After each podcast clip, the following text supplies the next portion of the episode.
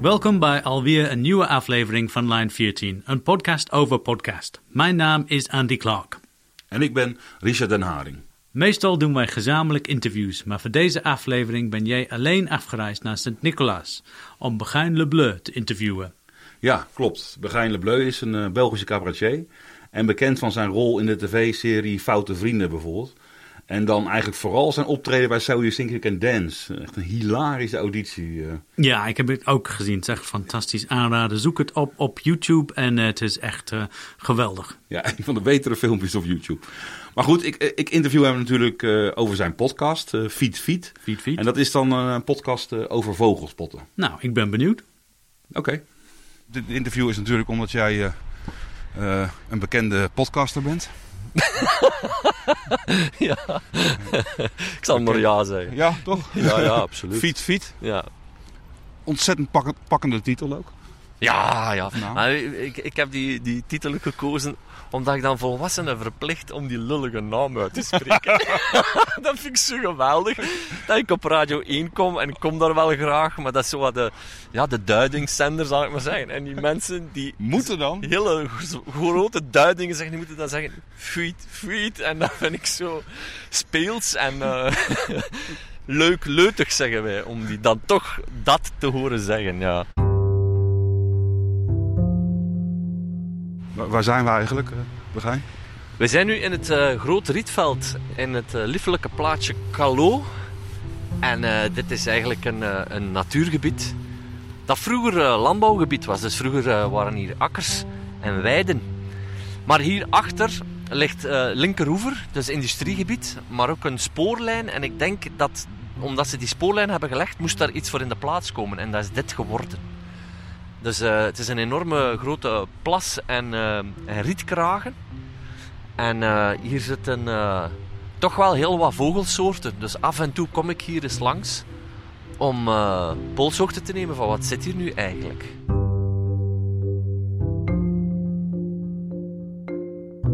Oh, ik zie de, de reguliere soorten die hier nu zitten. Ik zie huiszwaluw. Uh, visdiefje is hier eh, volop eh, visjes aan het vangen. Eh brandganzen. eh futen met drie jongen heb ik gezien. Eh krakeend. eh ja, zitten hier ook nog. En af en toe zit hier ook een bruine kikkerdief, maar die heb ik nu nog niet gezien. En ik weet dat een doelstelling voor dit gebied roerdomp is. Heb je ooit al van de roerdomp gehoord? Ja, het zegt me... Nee, ik weet het niet. Nee? De roerdomp. Is dat, is dit een vogelsoort? Of Dat is het een vogelsoort, ja. Ja. Oh my god. Moet ik een hele middag met jou optrekken? Is vogelspotten een nieuwe liefde van jou? Of is het eh, juist met de paplepel ingegoten? Ik eh, ben opgegroeid in Steken hè, en daar hebben wij, een, eh, waar ik woonde, was er een, een heel groot bos, dat heette Stropers. Mhm. Vlak bij de Nederlandse grens, vlak bij Hulst is dat. En eh, daar ging ik op woensdagmiddag altijd naartoe. En dan gingen wij vogelspotten. En dat komt natuurlijk ook omdat mijn pa ja, natuurminded was. Meer met, met dagvlinders. En, en ik had dan die microben te pakken van die vogels. En dan met een verrekijker ging ik met de buurjongen gingen wij heel nerdy uh, in het veld liggen, wachten. Af en toe kwam de schaapherder nog voorbij, want toen hadden wij nog een schaapherder in ons dorp. Ja. En uh, so, so, soms was mijn moeder mij dan kwijt en dan was ik uren weg en dan wilden ze de politie bellen, maar dan was ik met de schaapherder. Uh, Op wat? Klinkt fout, hè? Ja, nou, dan kom je nu niet meer weg. Uh, nee. maar, maar, maar, maar is, is, is, het, is, het, is het gevoel dan misschien het... Zoals bij vissen, bij vissen, dat je iets vangt. Is dat bij de vogel dat je, dat je to, toch een, een, een soort tegenkomt of iets die zo zeldzaam is? Is, is dat een beetje is, is dat de, de, passie? Ook, ook, maar ja, ik, ik, voel, ik, ja, als ik dat ga zeggen, dan, dan klinkt dat... Ja, ik voel een soort... oh, dit is zo EO-achtig. Ik voel een soort verbondenheid. ja, ja. Maar dat is ook wel zo. Dat Want is jullie kunnen allebei goed vliegen natuurlijk. Ja, ja, ja. ja maar dit is, ik, ik, ik, ik voel een soort... Ja, ja. Dat, en en uh, ik vind dat allemaal zo schoon. Ik vind dat zo schoon, alles wat ik zie. Je zou het geluid eigenlijk eens moeten opsporen van die roerdomp. Die, die maakt eigenlijk alleen maar zo Dat soort geluiden maakt hij. Dus hij zit precies onder water voortdurend te slikken. het is een heel maf geluid. Er gaat een, eh, een hele bekende anekdote rond in het eh, vogelspottersmilieu. Dat is eh, namelijk deze. Een aantal Zweedse vogelspotters hadden op een gegeven ogenblik een Amerikaanse roerdomp opgemerkt. Het geluid. Ze hadden het gehoord. Dus vanaf het moment dat je hoort en je weet zeker het is die vogel, dan heb je hem gespot ook. Dus je kan spotten op zang. En ik kan hem ook ingeven. Die gaf dat in, daarop zijn er andere spotters komen kijken, want het is een behoorlijke zeldzame soort. En iedereen was overtuigd van, het is inderdaad een Amerikaanse roerdomp. Totdat er op een gegeven ogenblik toch iemand de moed had om een paar meter verder te gaan kijken. En dat waren gewoon een paar koeien die met een snuit tegen het waterklepje van een bak tikten om water te drinken. Er zijn mensen uit de hele wereld. Ja, ja, ja, ja, ja. Dus dat was eh, Ja. geen Amerikaanse roerdomp. Maar zo zeldzaam dus. In Zweden toch? Ja. Maar hier ook toch? Ja, ja, ja, ja. Maar daar gaat het vaak om. Hè. Ze noemen dat eh, twitchen, noemen ze dat. Dus dat als er een dwaalgast is, hè, zoals die grijze junco hier onlangs, dat is een Amerikaanse soort, ja, dan, dan eh, dat is een dwaalgast en dan wordt dat onmiddellijk uh, doorgeseind en dan komen die allemaal kijken en dan, uh, ja, dat is, dat, dat is dan twitchen. Dat is nog een trapje hoger dan vogelspotten eigenlijk. Ja, ja. Dat is echt fanatisme.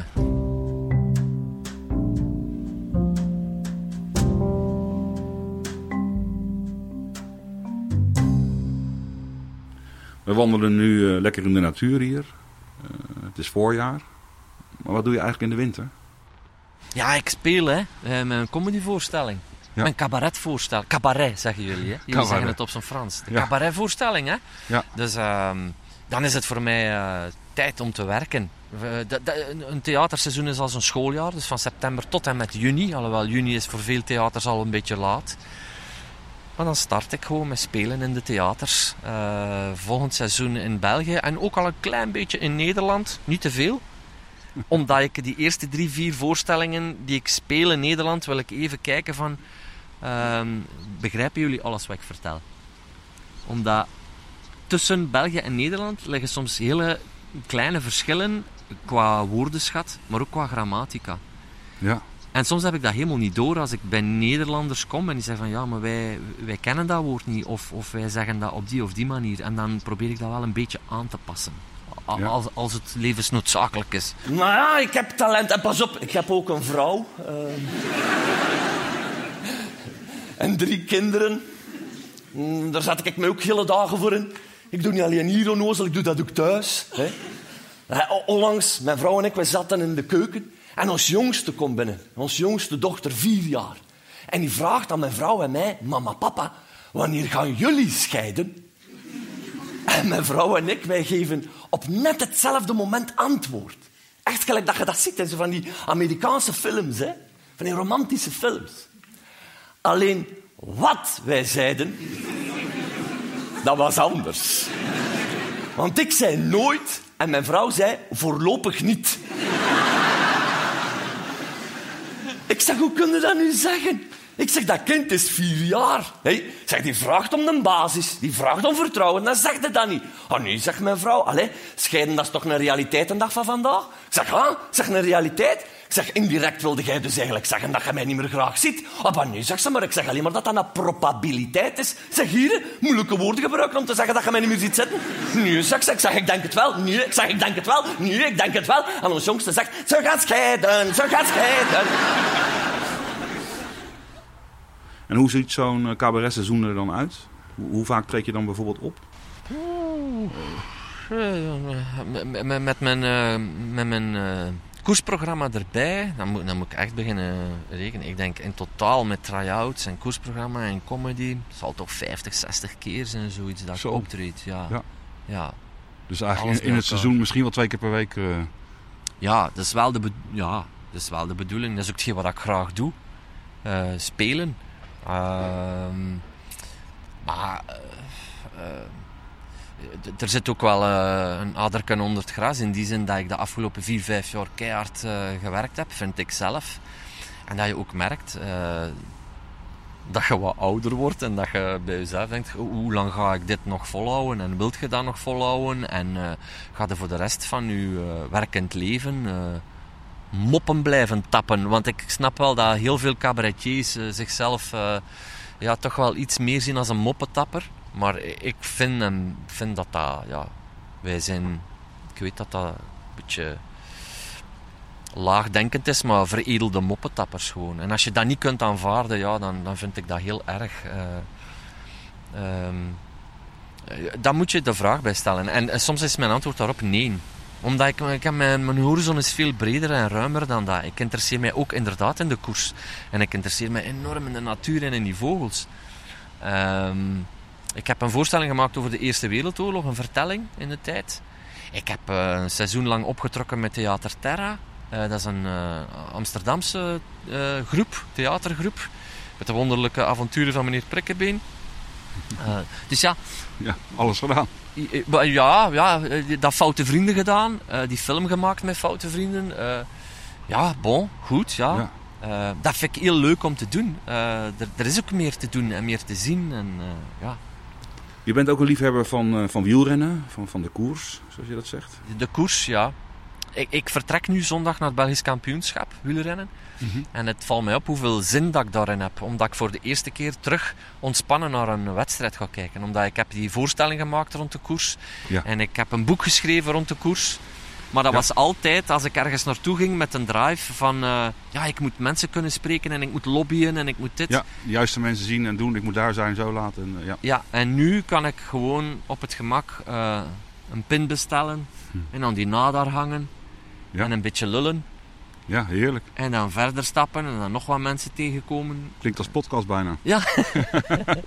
ja, jij, jij boek is De Ronde van Begijn, heet ja, de ja, titel. Ja, ja, ja. Eind 2017, vorig jaar uitgekomen. Ja. Ik, uh, ik heb hem natuurlijk helemaal gelezen. Heb je hem gelezen? Ja, helemaal natuurlijk. Om me voor te bereiden op dit interview. Geweldig. Nee, dat is niet waar. ik dacht, ik heb eens een boek in Nederland verkocht. Ja, jij, jij hebt wel een boek in Nederland verkocht. Ik heb hem wel gekocht. Ja, is je... ja, ja, wel ja of nee? Ja, ik heb hem wel gekocht. maar ik ben tot bladzijde 64 gekomen. Oh, was hij slecht? Ja, nee, ik, heenweg hier in de trein. Oh, oké. Okay. Ja, dus, ik lees alleen in de trein. En uh, ja... Het moest toch uh, van Leiden naar Sint-Nicolaas. Ja, er is nog een terugreis, hè? Ja, ja, ja, dus dan ga ik hem zeker verder lezen. Ja, ik dacht, ik breng, ik breng je terug, maar nu ga je wel met de trein ook. Dat kan je lezen. Ja, dan kan je van één ook. nou, hey, nog even over de podcast toch. Wat, wat, verwacht je daarvan? Dat ik binnen dit en een paar jaar uh, ja, meer ga doen met het gegeven natuur en vogelspotten. En, uh, om, omdat dat er gewoon al jaren in zit. En ik weet zelf nog niet in, in, in, welke vorm. Ik ben daar ook mee aan het praten met iemand. Over hoe kunnen we dat vormgeven en hoe kunnen we dat... Al was het dat ik uh, parochiezalen rondtrek met een klein programmaatje uh, voor 50 man of zo. Mm -hmm. Maar vanuit de optiek, uh, ik, moet, ik moet mij vooral amuseren en de essentie vinden waarom dat ik hier ben. En dat is niet altijd cabarettenket spelen voor, uh, voor 400, 500 man. Maar mijn opzet was, ik ga, dat, ik ga dit maken en ik hoop dat ik er uh, 100 luisteraars heb. Ja. En ik heb er nu zes gemaakt. Ik heb, er, ik heb 13.000 uh, luisterbeurten, noemen ze dat dan. Ja, okay. dus daar ben ik heel blij mee. Daar ben ik heel blij mee. We zitten zo aan een gemiddelde van 2000 per, per aflevering. Uh, ja, en dan is natuurlijk meer nog beter. Hè? Dat voel ik aan mezelf ook. Maar ook omdat ik merk dat ik eigenlijk nog niet zo heel veel gevorst heb. Ik, ik, ik laat het weten op sociale media. Mm -hmm. En het, ik, er is wel eens een aankondiging geweest op televisie, maar daar bereik je natuurlijk niet onmiddellijk je doelpubliek mee. Maar ik weet dat er in Nederland heel veel uh, vogelliefhebbers zijn. En ik weet dat er ook in Vlaanderen meer is dan hetgeen wat ik nu bereik. Ik merk wel een drempel. Want heel wat van die vogelspotters uh, is ook niet de, de, de jongste generatie. Dus soms krijg ik de vraag van uh, hoe, hoe kan ik dat beluisteren? Ja, dat ze het niet begrijpen. Ja, of gaat een boel ontploffen als ik op dat pijltje druk? ja. ja. Um, ja. Is dat echt wel gratis? Ja, dat, dat is ook dat heel ook? moeilijk. Ja, maar, maar ik, ik zet hem ook op mijn website en dan krijg je een heel ander beeld van die podcast. Het is niet zo dat ik vasthang aan het concept podcast waar dan abonneer op moet staan. Ze kunnen hem ook rechtstreeks van Soundcloud beluisteren. Ja. Of ze kunnen hem gewoon, ik, eh, hoe noemen ze dat, inbedden hè, via Twitter of via Facebook. En dan kunnen ze hem rechtstreeks vandaar beluisteren. Dus in principe zou dat geen probleem moeten zijn. Maar dan toch nog eh, eh, merk ik een barrière, die, die drempel. Ehm, ja, eh, ma- ma- maar het, het- er zit maar één ding op, dat is gewoon goed werk blijven leveren. Eh, en, en frequent. Ik doe, ik doe, doe dat maar één keer per maand, want ik, ik heb anders ook geen tijd. Maar en ik vind dat er al veel tijd in kruipt, onbetaald. Ja, Ehm, onbetaald. ja. Maar één keer maar per ja, één keer per maand eh, doe ik dat dus. En dan... eh, frequ- die frequentie moet je aanhouden.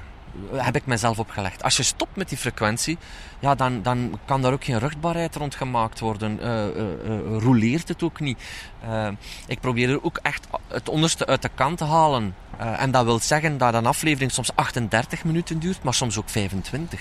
Ja. En het onderste uit de kan wil zeggen dat je gewoon kwalitatief een goed ja, verhaal brengt. En lak hebt aan wat dat je denkt dat moet zijn. Ja. Ja, en als het, als het heel goed is, maar gewoon 25 minuten, dan duurt het 25. En als het blijkt dat het wat langer en, eh, en dat, eh, eh, dan, dan kan die ook wel 38 duren. Ik heb eigenlijk afgaande op één reactie heb ik eh, mijn, ehm, de lengte van mijn podcast veranderd. In die zin dat iemand zei van ja, het duurde 65 minuten. En, en ik dacht van eigenlijk heeft hij wel gelijk. Ook al kan je het ja, onderbreken. En, ehm, ik, ik, ik denk maximum drie kwartier. Maar ja, ja. Ja. Ik heb nu eh, een interview en een, en een, ehm, een wandeling met iemand heb ik eh, in twee delen eh, opgeknipt. Ja. Dus ik heb een stuk van 40 minuten en ik heb een stuk van 30 minuten.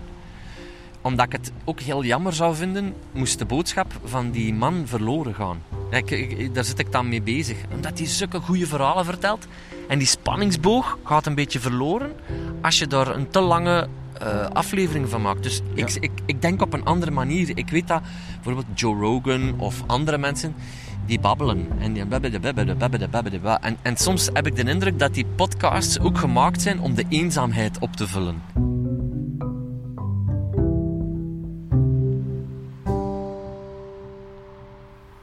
Ik zag op Soundcloud dat er ook reacties worden gegeven op jouw podcast.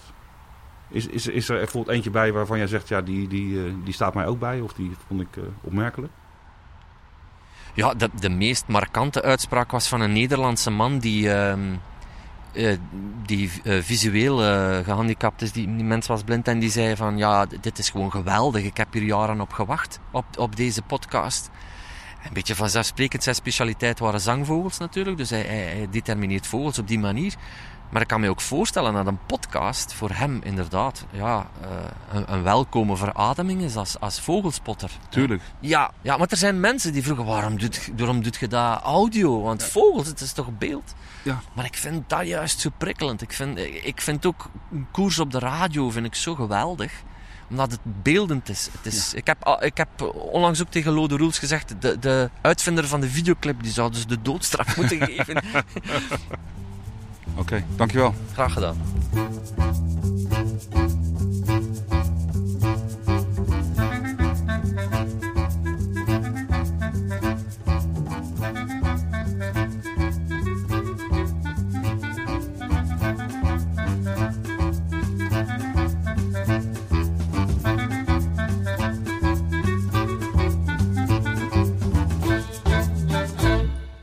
Nou, Richard, ik vond het wel eh, super interessant. Ik, ik, ik heb heel veel geleerd over vogelspotten. Ik heb bijna de neiging om zelf eh, dat te gaan doen. Dus wat mij betreft, je moet eh, vaker alleen afreizen en mensen opzoeken.